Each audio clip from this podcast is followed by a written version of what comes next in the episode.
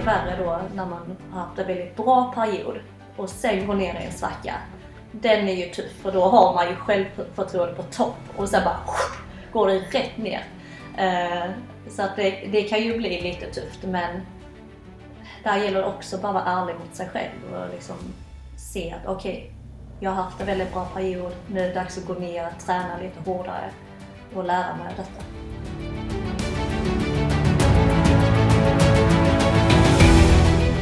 Hej och välkommen till Mentala Mästare! Podcasten om mental träning och om den mentala styrkan i att prestera när det gäller. Jag heter Eva-Marie Vergård och jobbar som mental tränare och brinner för att få berätta för dig hur mycket dina tankar kan påverka det du gör. Genom att intervjua olika idrottsprofiler inom olika grenar är mitt mål att generera både en förståelse och en kunskapsbank för hur just du kan arbeta med ditt mentala. Denna vecka får du lyssna till när jag och systrarna Jenny och Kajsa Wegner ses över en frukost alla morgon. Två rutinerade bowlar i absoluta världsklass med stenkoll på att leverera strike efter strike, trots klickande pennor och hög press. Vi får till ett bra samtal där vi bland annat reflekterar kring hur det är att vara ett lag i en individuell idrott. För har du koll på dina lagkamraters behov? Nu kör vi! Välkommen till Mentala Mästare, systrarna Jenny och Kajsa Wegner. Tack!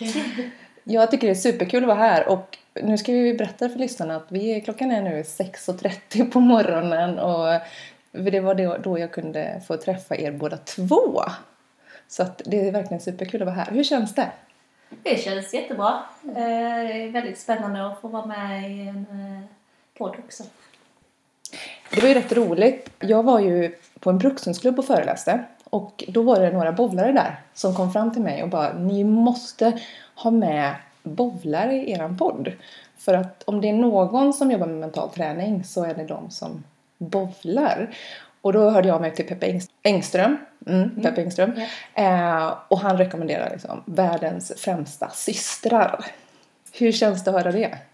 Det är jättekul. Det är det. Vi, eh, vi känner ju Peppe ganska väl.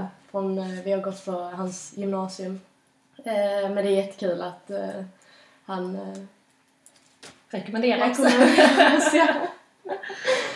Men hur, hur ser bakgrunden ut? Hur kom det sig att ni började med bowling från början? Det börjar ju egentligen från min pappas sida av släkten. Eh, pappa har alltid ägt bowlinghall så länge vi har funnits. Eh, och eh, våra släktingar på pappas sida då har alltid varit intresserade av bowling. Så att det var ganska självklart att vi också skulle börja. Så att vi har ju en storebror också som eh, började före oss.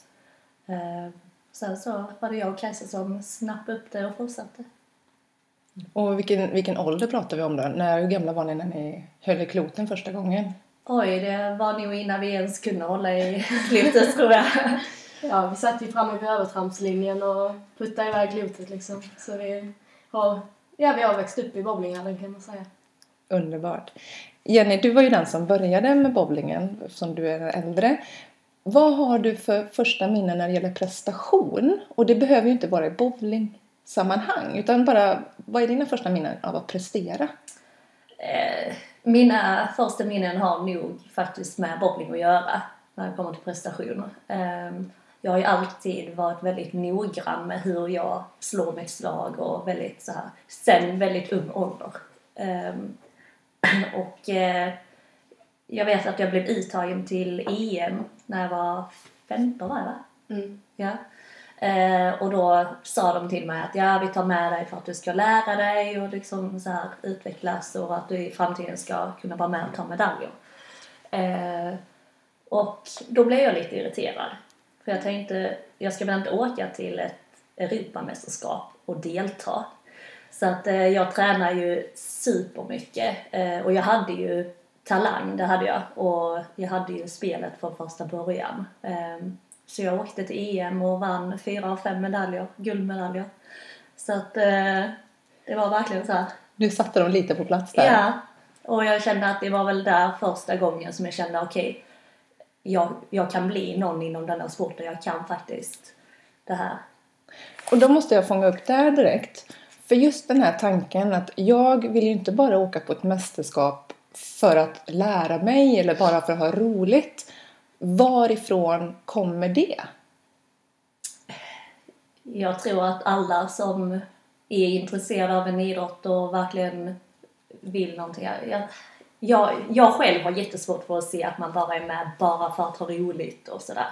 Sen eh, jättekul för de som ser det så. Eh, men eh, för att jag ska kunna ha roligt så ska jag kunna pressa mig själv och i alla fall tro på att jag har chansen att vinna. Har det alltid varit så? Ja, det har det. Ja, vi, Ja. bå- båda två är väldigt målmedvetna och ja. Och, och vad har du, Kajsa, för eh, första minnen av prestationer? Jag skulle väl säga att Jennys prestation vid sitt första junior som hon berättar om är även min första så här, det här vill jag också. Jag vill bli lika bra som min syster och jag vill, eh, ja, bara utvecklas inom sporten och bli bättre. Då var jag bara 12 år gammal när hon åkte på sitt första junior Så att, ja, det blir mitt mål att komma med i junior också. Och då hör jag ju den här konkurrensen som jag tror att många tänker på när, när det gäller syskon och att man ändå är i samma idrott. Hur, hur har ni hanterat konkurrensen sinsemellan? Vi har nog aldrig riktigt haft någon konkurrens på det sättet. Eh, vi tränar alltihopa och tävlar alltihopa och allt det här. Ehm, så att eh, vi försöker se till att båda har de bästa förutsättningarna att lyckas. Eh, och sen så den som är bäst just då, den förtjänar att vinna. Är det någonting ni har jobbat fram eller kommer det naturligt hemifrån att ha den acceptansen för, för varandras framgång? Nej, det har funnits där från start tycker jag. Ja. Det är inte så att vi har behövt jobba på det på något sätt. Utan vi har bara...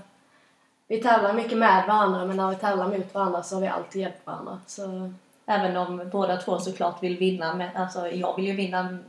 Jag känner ju att jag vill vinna mer än Kajsa och Kajsa känner att jag vill vinna mer än Jenny.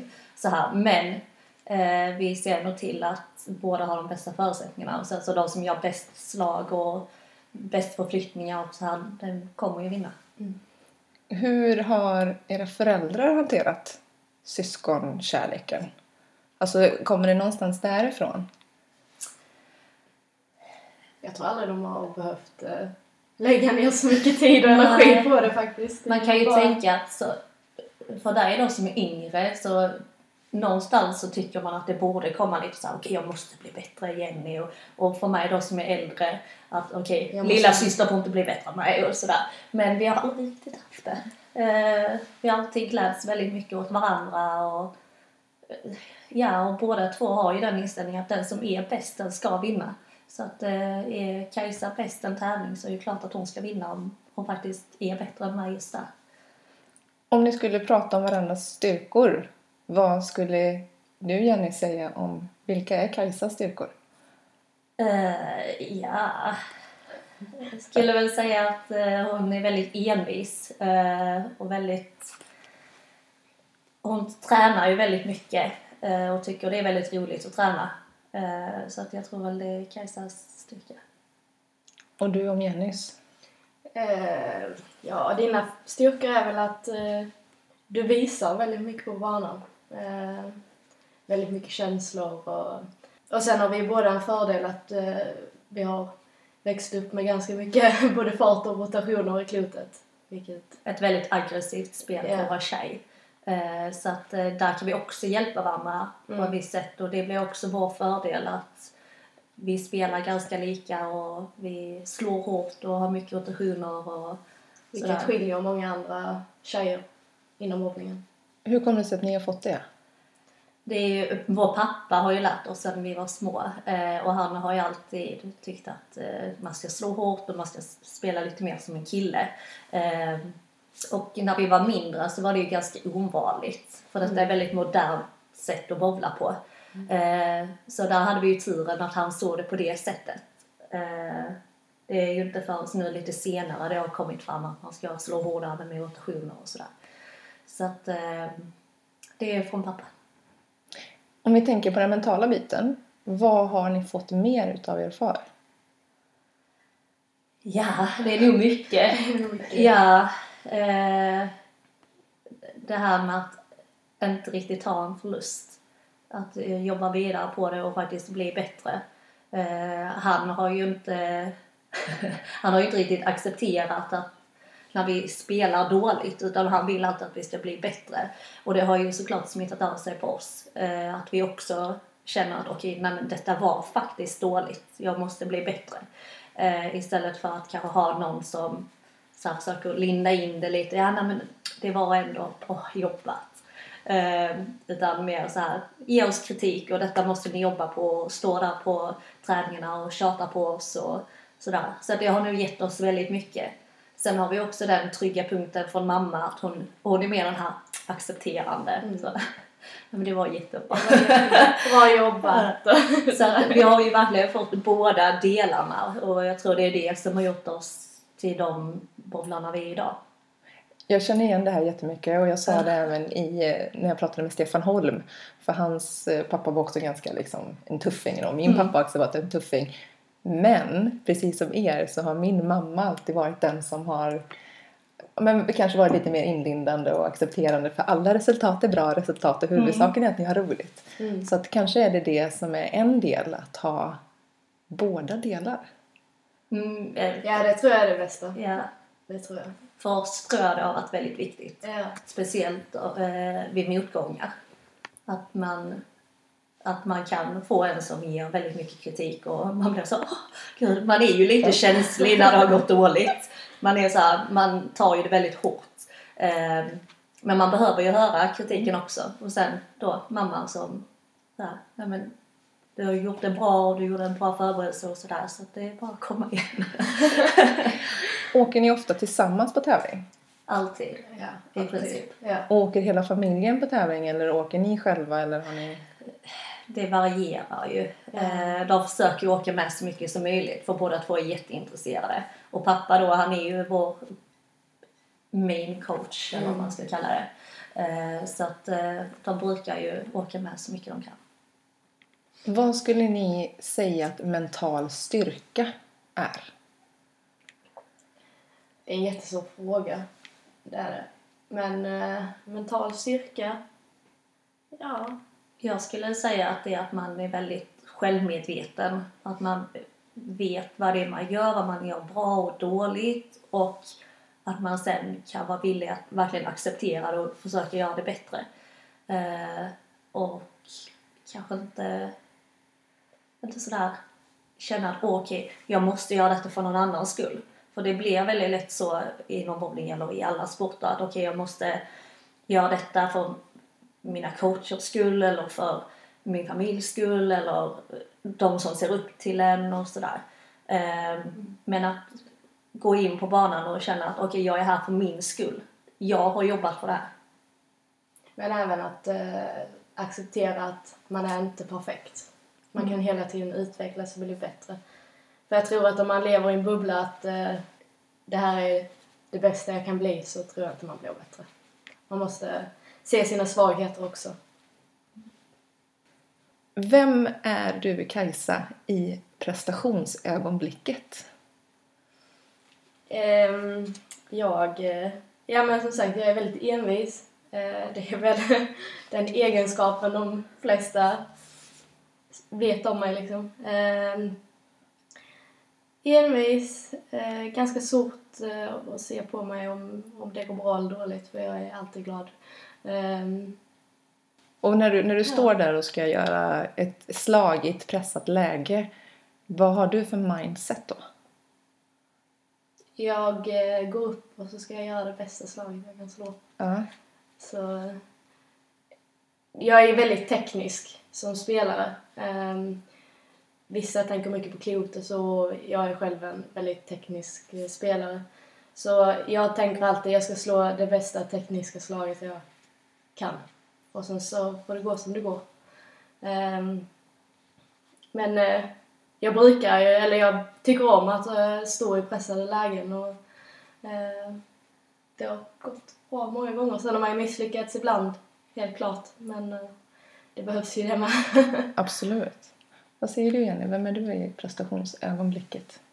Jag är nog väldigt inne i mig själv bryr mig inte om jättemycket runt om utan jag spelar mitt spel och jag är ju inte glad som Kajsa är. Jag har väldigt såhär stoneface och jag, jag, man ser ju på mig att okej, okay, jag är här nu eh, och ingen annan betyder någonting. Så att där är, vi ser ju väldigt olika ut när vi bobblar. Eh, men eh, ja, jag, jag vet att jag står där för att jag ska lyckas. Eh, vare sig det är individuellt eller om vi spelar lag så är det fortfarande, sätter jag detta slaget så är det jag som har kastat iväg bollen. Så att, och sen är det alltid jättekul om man lyckas göra ett bra slag i laget också. Så att, eh, ja. Hur mycket tar man in de andra spelarna? Under tävling? Det beror helt på om, om det är motståndare du menar. Ja. Eh, jag bryr mig inte jättemycket om mina motståndare. Eh, Man stänger ute det. Eller jag stänger ute Ja. det i alla fall. Och sen så får man se efter. vi kan ju stå flera timmar på banorna och spela. Eh, så att eh, hade jag, eller hade vi så här fokuserat på andra spel så hade det ju varit onödig energi. Så att eh, vi fokuserar väldigt mycket på vårt egna. Och hur har ni jobbat fram det? För jag tror att, eller jag, jag, är, jag är helt enig att släppa in andra så lite som möjligt. Och det är en konst i sig. Mm. Så frågan är, hur gör ni för att inte tappa fokus på er uppgift? Har ni några knep på det? Eh, ja, alltså ibland så händer det att man så här börjar snegla liksom. Vad har den där borta? Man vet att den ligger ganska tätt in till mig. Man har sett att den har strejkat mycket och sådär. Eh, alltså jag, jag försöker bara att så här, tänka på vad jag ska göra. Hur jag ska kasta iväg min boll och eh, förflyttningar och bollbyten och sådär. Eh, det är ju väldigt mycket att tänka på så att kan man bara fokusera på de grejerna istället så har man tillräckligt att göra. Ja, jag håller med. Att ha fokuspunkter. Det stänger ute de andra motståndarna. tycker jag. Och när, du säger, eller när ni säger fokuspunkter, är det punkter som ni har skrivit ner innan eller är det punkter som finns från träning? Eller hur kommer man ihåg det i pressade lägen? Det är från, det kan ibland kan det vara från dag till dag, men eh, ofta är det från träningen under veckan som man har olika fokuspunkter som man måste tänka på i tekniken och så vidare. Och det är inga problem att komma ihåg det? Nej. Ja, återigen, jag frågar, och nu är ju ni så pass rutinerade, men det är också en sak som jag upplever att, att man ger tips att fokusera på er uppgift och, och sen så kommer man hem efter en tävling och så bara, men jag glömde totalt bort min uppgift för jag var så nervös eller vad det kan vara. Så det var därför jag frågade hur ni, hur ni jobbar med det. Alltså vi försöker att inte tänka på resultatet så mycket eftersom att vi då kan stå på banorna väldigt många timmar.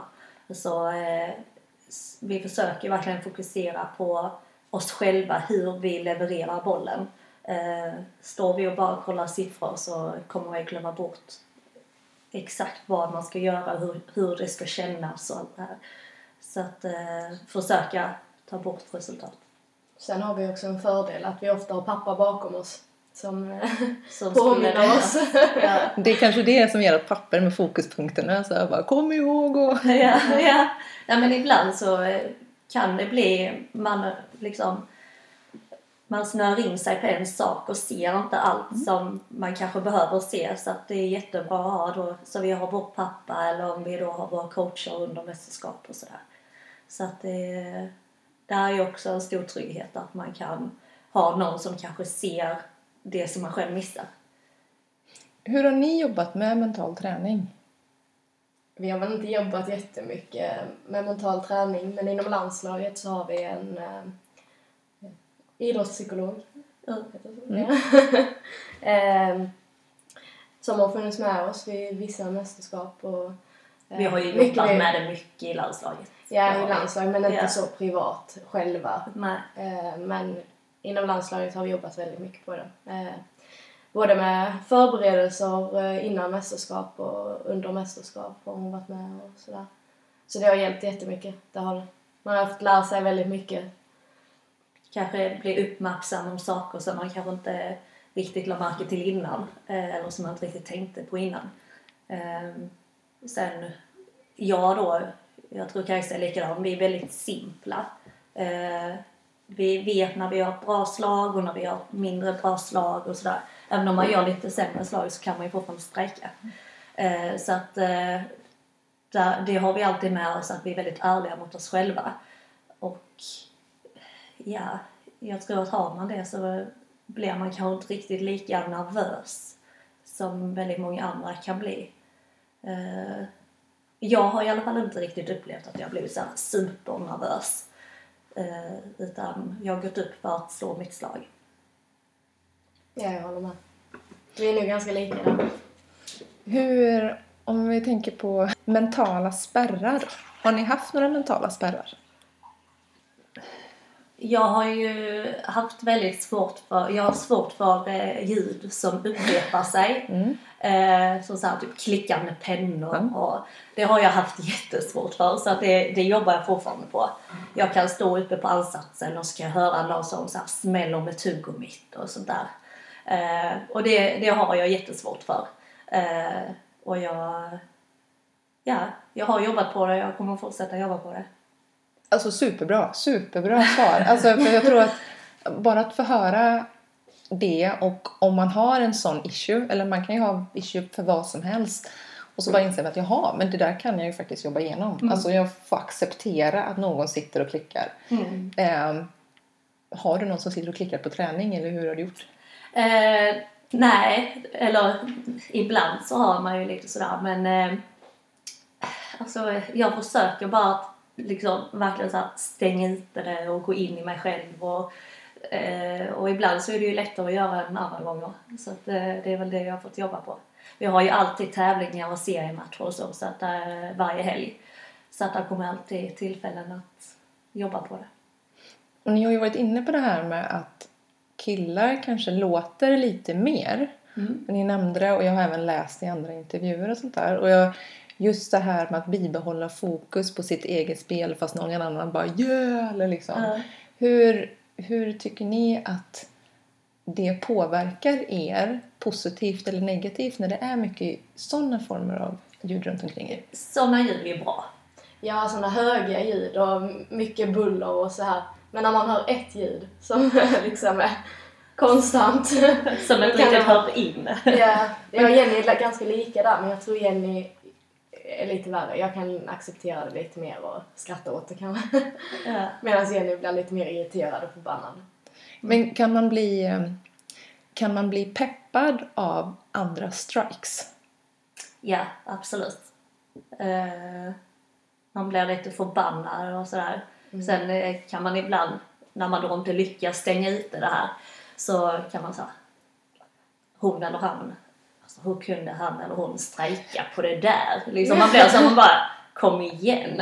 Eh, så att det blir ju lite så här, man blir lite irriterad vilket gör att man får, får igång kroppen lite mer och sådär.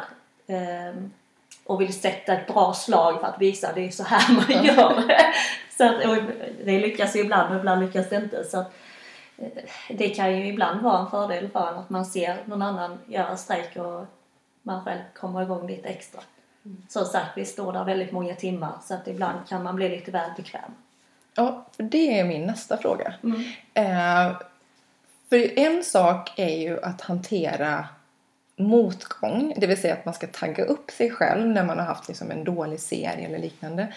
Eh, men inom, inom bowling, 300, vad heter det, 300 serie, Mm. när man har 12 strikes på rad. Mm. Eh, just att kunna göra det utan att bli bekväm utan verkligen så här, framgång föder framgång föder framgång.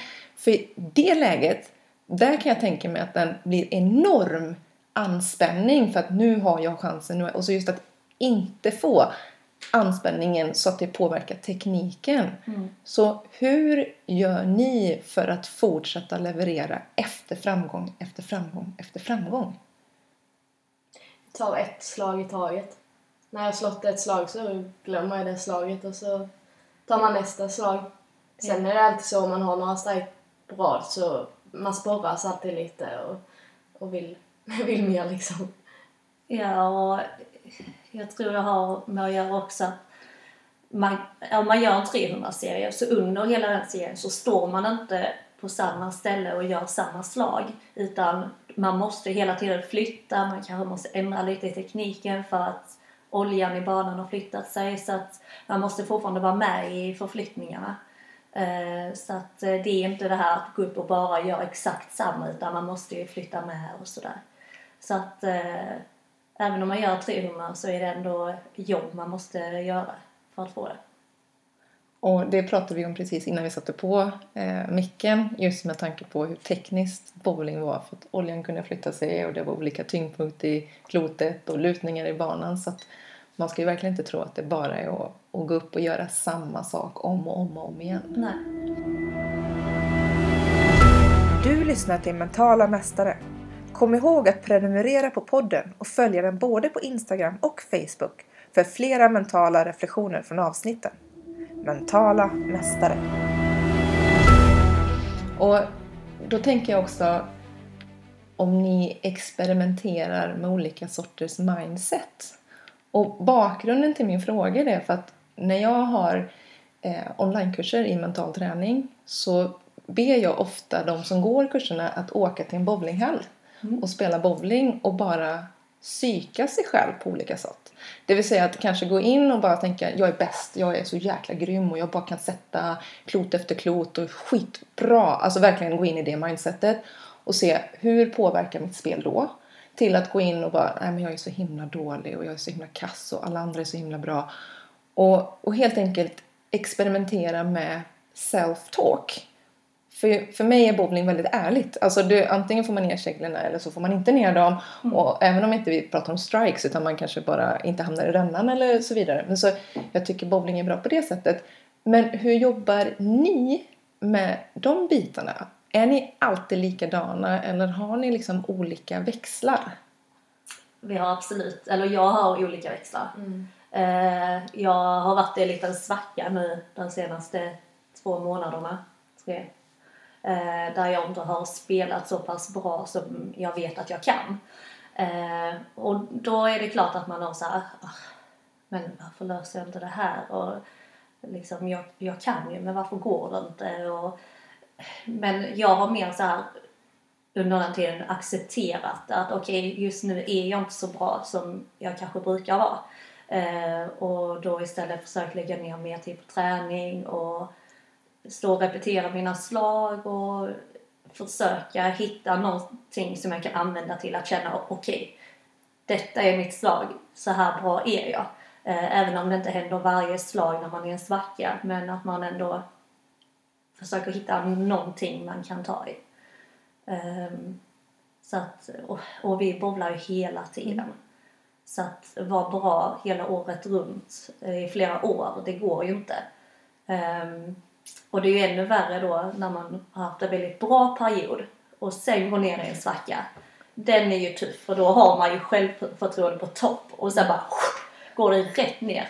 Eh, så att det, det kan ju bli lite tufft men där gäller det också bara att vara ärlig mot sig själv och liksom se att okej, jag har haft en väldigt bra period, nu är det dags att gå ner, träna lite hårdare och lära mig av detta.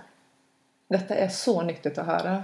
För jag tror att många vill komma upp på en nivå där man bara levererar, levererar, levererar. Och om, efter att ha läst om er så är det ju verkligen så här guld på guld på guld på guld. Så att jag förstår ju att folk, när man tittar upp mot toppen så är det ju bara medalj på medalj, medalj. För man, man ser ju inte svackorna. Så att bara för att få höra om svackor och att den här som du pratar om, acceptansen och att man kommer komma tillbaka. Mm. För det är det så jag uppfattar att Ja. Vänta ut, vara ärlig mot sig själv och verkligen jobba igenom. Mm. Vad skulle du vilja tillägga? Nej, jag tyckte Jenny sa det jättebra faktiskt. Men det är, det är ju mycket det där att eh, komma tillbaka från en svacka och sådär.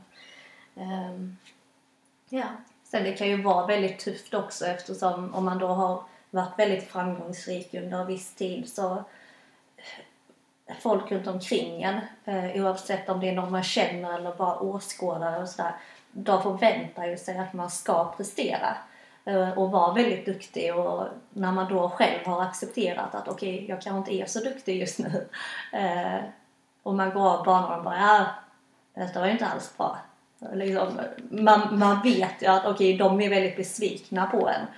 Eh, så att det kan ju vara lite sådär, ja, ja, lite, lite jobbigt. Mm. Men eh, sen får man ju inte glömma att man är där för sin egen skull. Återigen, jättebra. För just, just alltså, framförallt om vi säger partners. tror jag många känner igen sig att man kommer hem och man har gjort en bra match eller ett bra lopp eller vad det kan vara. Och så bara, men vann du? Nej. Mm, och, och hela den där biten.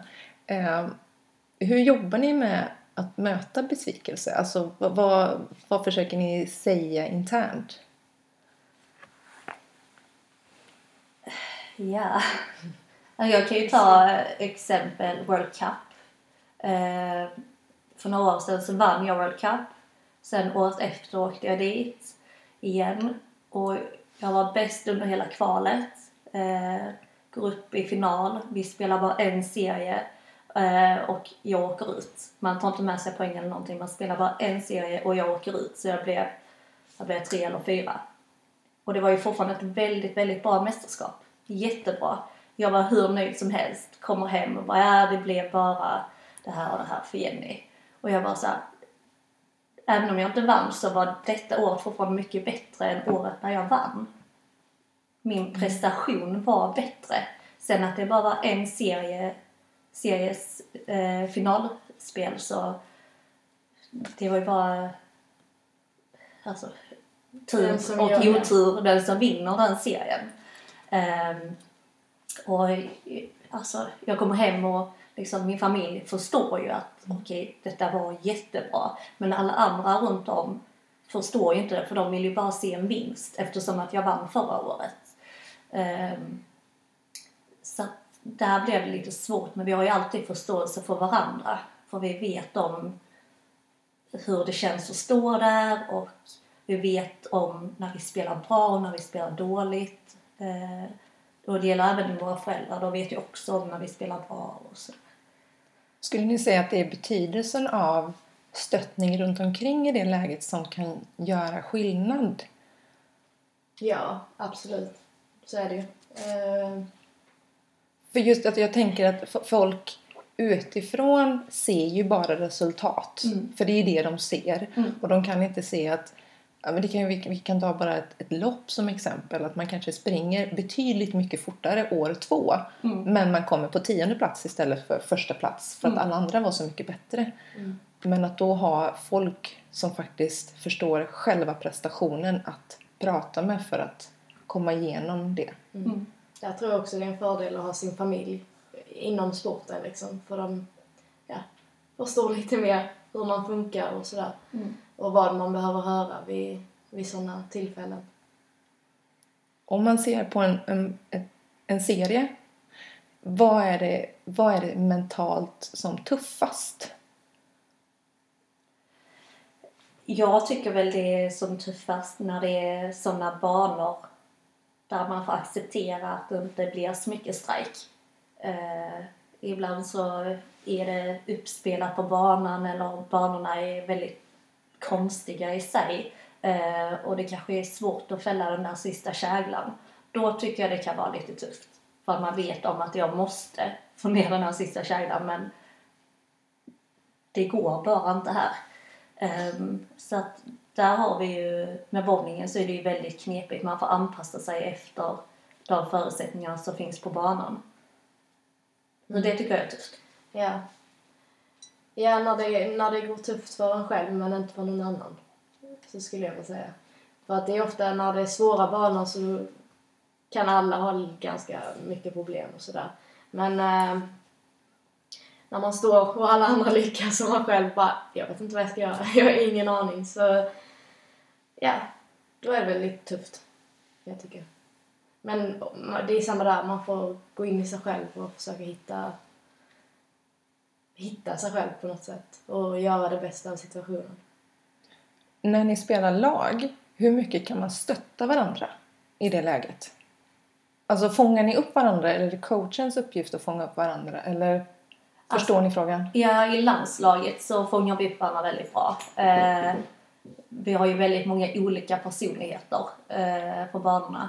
Eh, vi har då någon som älskar sådär att pusha på och sådär kom igen ni och eh, någon som jag då som är väldigt såhär okej okay, jag går in och gör min grej. Eh, och ja, och Kajsa då som är väldigt glad hela tiden. Alltså vi har väldigt många olika personligheter som gör att det blir väldigt lätt för laget att hålla upp varandra. För att vi har verkligen en hel blandning där. Mm. Pratar ni mycket om sånt här? Ja, men det gör vi ju. Ja. Ja, innan mästerskap pratade vi väldigt mycket hur man vill bli bemött när man kommer tillbaka och sånt ett bra... Ja, och hur vi ska vara på banorna mot varandra ju. Ja. Vi brukar sitta två och två och liksom snacka, så pratar vi med hela laget. Så här vill jag ha det och mm. det här vill jag inte att du ska göra och ja. Mm. Vad kan det vara för exempel på vad man inte vill att en annan ska göra? Ja, vissa har att de inte vill att de vill inte ha den här klappen på mm. ryggen. Eh, när det har gått dåligt till exempel. Eh, det är väldigt personligt mm. vad man vill och vad man inte vill. Eh, men det vet jag att eh, det är ganska många som inte vill. Jag har ju väldigt svårt för om jag går upp och gör ett slag som jag inte är helt nöjd med eh, men att det kanske ändå blir bra resultat så har jag jättesvårt för att komma tillbaka och bara ah, det är bra Jenny liksom så här, slå mig på axeln. Ah, ja, det är jättebra. Man bara, nej, det var det inte. Så det har jag jättesvårt för. Eh, eftersom att vi då är väldigt ärliga mot oss själva och vi vet om när vi har bra och dåliga slag. Mm. Ehm, så att det har jag ju jättesvårt för. Och när jag hör detta, alltså jag blir jätteglad för jag tror att det absolut viktigaste bland det viktigaste i ett lag det är verkligen att prata med varandra och inse ens olikheter. Mm. För jag tävlade i lag med en tjej som absolut inte ville att jag skulle ropa på henne när hon körde. Yeah. Och det var en sån här sak att det spelar ingen roll att det var hur många på läktaren som helst som skrek hennes namn och hennes hunds namn. Det var inga problem. Men när jag skrek, då fick det, det, blev en liten störning. Inte på något sätt att hon tog lite illa av mig utan det var mer så att vad, vad, gjorde jag någonting fel? Yeah. Och den lilla störningen påverkade loppet. Så det var liksom, när hon sprang så höll jag tyst. Och det hade jag aldrig vetat om inte hon hade vågat Nej. säga det. Och där kan ju verkligen, alltså jag menar ett slag på axeln är ju egentligen enbart positivt och mm, det är ju mm, verkligen precis. någonting som jag till exempel hade velat ha liksom. Mm. Det gör ingenting, det var skitbra ändå. Mm. Men då blir det så här, nej men alltså jag har lust att ge dig en käftsmäll. Ja precis, ja. Och alla fungerar så himla olika. Sen har vi ju alltså, tjejer i laget som vill ha det. Mm. Och vill liksom, som behöver ha det. Ja, vill inte höra det där negativa utan de vill pushas på för det är då de blir bättre.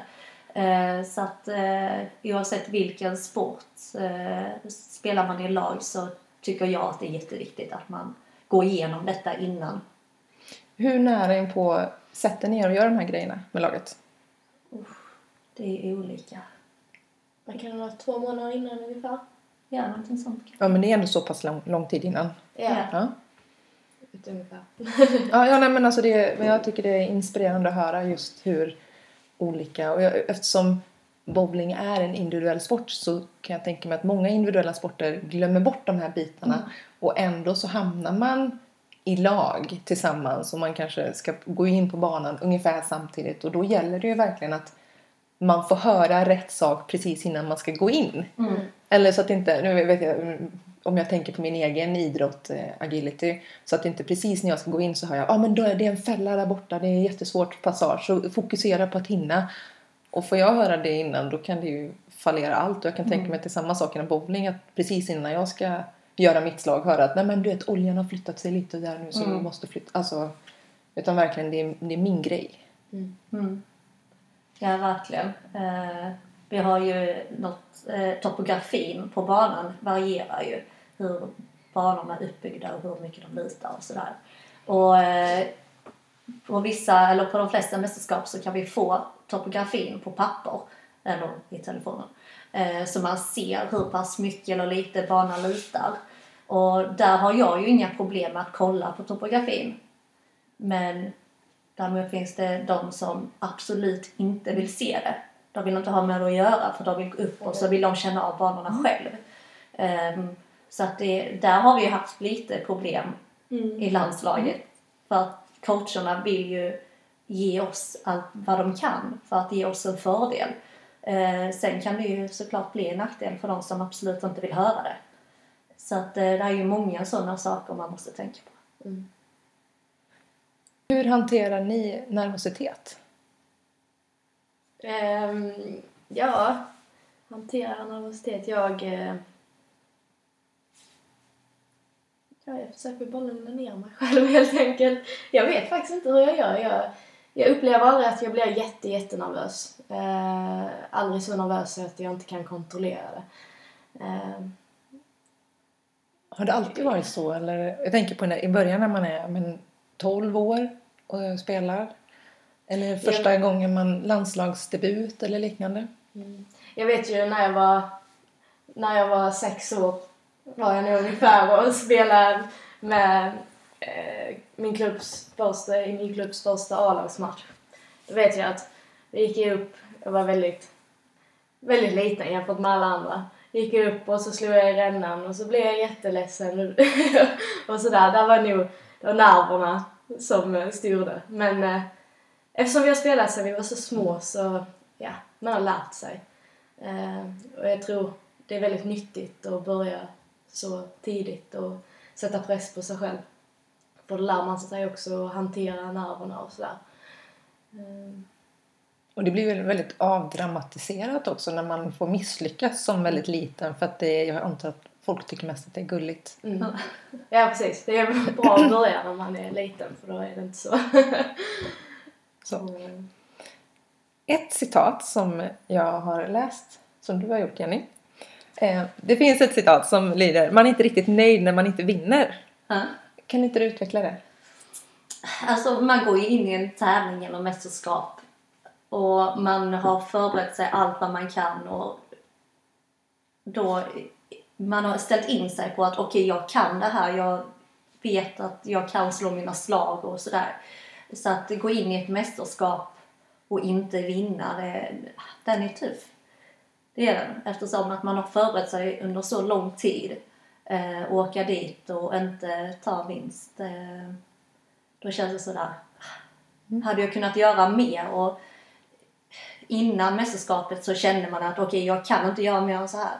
Så så går man in och så kanske man inte vinner och börjar man tvivla lite på sin för, förberedelse. Det var så härligt kaxigt. Ja. tyckte jag. Och det, det är roligt att höra liksom, bakgrunden kring det hela. Ehm, har ni varit med om någon rolig eller knasig, knepig tokincident under alla era år inom bowlingen? En hel del har vi haft. Eh, alltså jag personligen, jag har ju lyckats här, typ trilla och ha mig. Eh, Väldigt många väldigt gånger. många gånger och har fått blåmärken längs hela benen och hela foten har varit svart och sådär. Du har slått bort eh, den Ja, jag har ingen fotknölen. knöl på vänsterfoten längre och sådär. Men Du slog bort den alltså Ja. under en bowling... ja, innan EM var det. Ja, Ja. nu- Innan dam-EM så eh, stod vi på träningen. Och så jag, jag vet inte, jag gled väl till lite fel och slog bollen rakt på foten. Så nu har jag ingen knöl längre. Men sen tillsammans. Eh, men där har vi ju, SM kanske. ja SM. Eh, när vi Ja, spelade det SM. Ja, och eh, SVT var där och filmade. Och vi skulle, ja, vi skulle möta varandra i finalen då. Och alla tänkte väl att vi skulle så här, verkligen vilja vinna mot varandra. Eller, Men det ville vi ju. Ja, det ville vi men istället så visas det väldigt mycket så här hur mycket vi hjälper varandra och sådär. Ehm, även fast vi ville vinna så ville vi också ge de bästa förutsättningarna till varandra liksom. Ehm, så vi, vi hjälpte varandra hela den finalen. Mm. Ehm, vilket, ja, många reagerar på ganska mycket. De kunde inte riktigt förstå att vi som motståndare kunde stå och hjälpa varandra. Men där har vi också det här att den som slår bäst slag kommer att vinna. Ehm, och det är klart att jag kommer hjälpa Kajsa att göra de bästa slagen som hon kan göra och hon kommer hjälpa mig. Ehm, så att ehm, men det var ju klart att jag ville vinna över Kajsa och hon ville vinna över mig. Eh, man vill ju alltid vinna, så är det ju. Så att, eh, det var ju lite en annorlunda SM-final. Och jag tänker att det, det är ju lite där man vill hamna också. Att må bästa kvinna vinna. Mm. Just för att den som spelar bäst ska vinna för dagen och göra det som en acceptans och ändå... För jag tänker att om jag hjälper den ena så hjälper den andra och då kan vi lyfta vårt spel ännu högre. Så att även om jag kanske inte vann så spelade jag i alla fall bättre Mm. än vad jag skulle gjort annars. Mm. Så det tycker jag är jättehäftigt. Där har vi en fördel som systrar. Och då, då vet vi om att jag vill det bästa för Kajsa och vill det bästa för mig. Sen kommer det in någon annan som man kanske inte har det bandet med. Så blir det ju en helt annan grej såklart. Ehm, för då, då står man för sig själv. Ehm, men när man är så nära varandra och man vet om att hon vill verkligen mitt bästa. eh, så kan man faktiskt ta hjälp. Mm. Hur ser ni på Sveriges framtid rent internationellt på VM-nivå och slå, som jag förstått det, Asien som är fantastiska. Hur ser ni på den framtiden? Vi jobbar ju väldigt hårt eh, för det här nu. Eh, vi har gjort lite ändringar i hur vi jobbar under årets gång i landslaget och sådär. Eh, för förra VM det var inte bra för Sverige. Vare sig på damsidan eller herrsidan. Eh, så att vi har gjort stora förändringar och sen vi har inte samma förutsättningar som de har. För de, de har ju en lön, de får ju väldigt mycket pengar för det de gör. Eh, de kan stå och träna flera, alltså från tidig morgon till sen eftermiddag kväll. Eh, Medan vi inte riktigt kan göra det. Vi, vi har ju inte det stödet från eh, vårt förbund. Eh, ekonomiskt sett. Det är ju så, de bor ju ihop och de tränar ihop och sådär. Men eh, något vi har tagit tag i det är väl fysträningen. Eh, för när vi kom hem från vårt förra VM så ja, det hade gått dåligt för hela svenska laget, både damer och herrar. Och vi satte oss ner och reflekterade över vad, vad är det vi saknar mest. Och då är, insåg ju alla att det är fysträningen. Det är styrka och kondition som vi, som vi ligger efter med om man, om man jämför med de asiatiska länderna och även USA. Så eh, det är väl den största skillnaden vi har gjort Mm. eh, den sista tiden. Det är att lägga mer tid på gymmet. Grymt. Jag är helt övertygad om att det kommer ge bra utslag. Hur är det med mentala spärrar kring det vi pratar om? Jag tänker att, att man ser mentalt att de har alla förutsättningar och all, alla de bitarna som ni säger. Kan ni se någonting som ni skulle kunna förändra där för att, att det ska betyda mindre? Jag tycker det är väldigt viktigt att åka iväg och tävla väldigt mycket internationellt. Ehm, och då stå där själv och veta okej jag kan slå den här personen, jag kan vara bättre än denna. Nu gäller det att ta in detta i ett lag. Ehm, och att alla i laget faktiskt åker iväg och tävlar mot de här eh, asiatiska länderna, USA och dem. Ehm, det, där känner jag ju då när jag vann World Cup att jag fick väldigt stort självförtroende. Att okej, nu har jag stått här och jag har spelat mot denna och denna som är grymt duktiga och ändå slog jag dem. Ehm, och just det självförtroendet att veta okej, jag kan slå dig trots att du står från tidig morgon till sen kväll och bara tränar. Ehm, så att även om vi tränar mycket och tävlar mycket så kommer vi inte upp i de timmarna som de gör för vi måste fortfarande ja, jobba lite grann. Vi, vi har ju ett annat liv också. Så att ehm, Jag just- ja. Just det där med att vi inte vi ser varandra inte så ofta för alla bor i, i olika delar av Sverige och vi, vi kan inte riktigt ha den gemenskapen. De är ju väldigt mycket som en familj eftersom de umgås konstant. Det kan ju inte vi riktigt ha i Sverige. hur, st- hur stora internationella möjligheter har ni att åka till Asien och spela? Alltså det är väldigt individuellt eh, hur pass mycket man vill eh, åka iväg. Det är ju rätt tufft att åka iväg på alla de tävlingarna. Eh, och ekonomiskt sett såklart. Men eh, så vi då, vi har ju alltid tävlat jättemycket internationellt. Så att eh, det tror jag också är en fördel för oss. Eh, att vi är vana vid att åka iväg och spela mot väldigt bra spelare. Både damer och herrar. Det tror jag också. Och, eh, för jag tror att en, en del kan också vara just att, att sänka den synen på vad de har och se Mm. på vad man själv har och kanske se möjligheterna så att okej, vi kanske inte kan ses så ofta men när vi väl ses så gör vi det bra liksom. Precis. Har ni någon fundering, någon mental fråga som ni tycker att vi ska lyfta i den här podden? Som vi inte har lyft? Vi har ju tränat lite med eh, en som heter Patrik Oderling eh, som har eh, sån här fokusband. Mm. Eh, hur hjärnan reagerar under tiden man utövar sin sport. Eh, och just det tycker vi är väldigt intressant.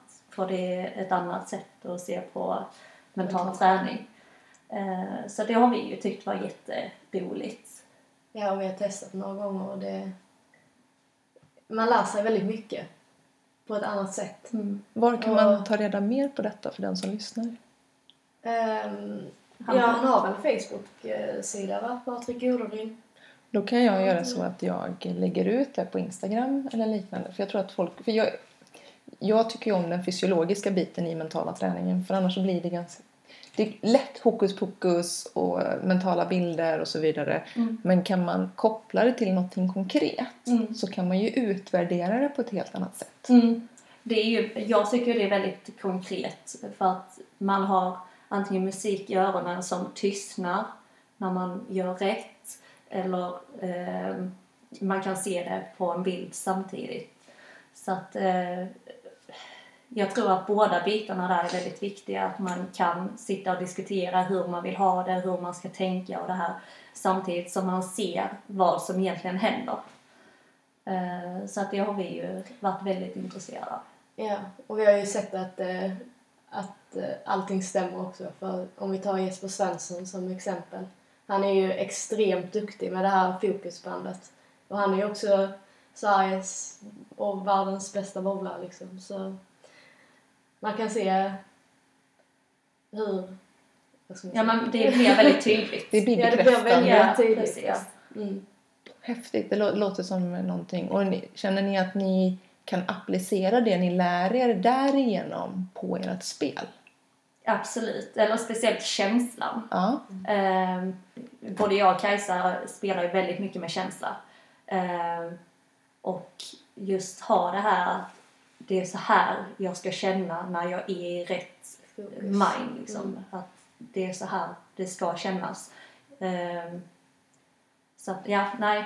Det har varit jättehjälpsamt. Även om vi inte har gjort det så många gånger så har det fortfarande hjälpt oss jättemycket. Låter jättespännande, så Mm. det ska vi absolut kika lite mer på. Så vem skulle ni vilja lyssna på i den här podden? Och finns det någon fråga ni skulle vilja att jag ställer den personen? Oj.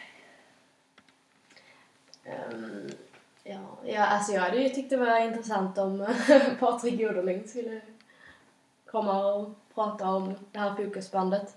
Sen vilken fråga, det vet jag inte för det har vi redan, vi har redan träffat han några gånger ju och ställt de frågorna som... Nu jag tycker det bara är intressant med alla, alla olika eh, stora idrottsmän. Eh, och höra hur de ser på det. Så att jag har nog ingen så specifik fråga utan jag tycker mer bara det är intressant att höra vad det finns för likheter mellan mitt tankesätt och deras och sådär. Och ja, precis, vi kan ju även lyfta fram de mindre sporterna. Ja, som till exempel bowlingen då, men det finns ju fler andra sporter som kommer lite i skymund- skymundan. Och det ni också har varit inne på, att era olikheter och ändå leverera på väldigt hög nivå. Mm. För det är det jag alltid försöker framförhålla, både när jag föreläser och i den här podden. Och en av anledningarna för jag startade podden. För att verkligen visa att oavsett vem man är så kan man vinna. Man behöver inte bara gå in med inställningen jag ska vinna och jag ska döda. Utan man kan vara glad och man behöver inte bara vara glad utan man kan också gå in och tänka att jag ska döda alla. Men Mm. inte för att du kanske tänker att du ska döda alla. Men, Ja, men ha ett annat, ett mer krigiskt Ja, mindset. precis. Att alla fungerar väldigt olika men har ungefär samma mål. Underbart! Tack så jättemycket för att jag fick komma hit Tack så här arla morgon och tack så jättemycket för frukosten.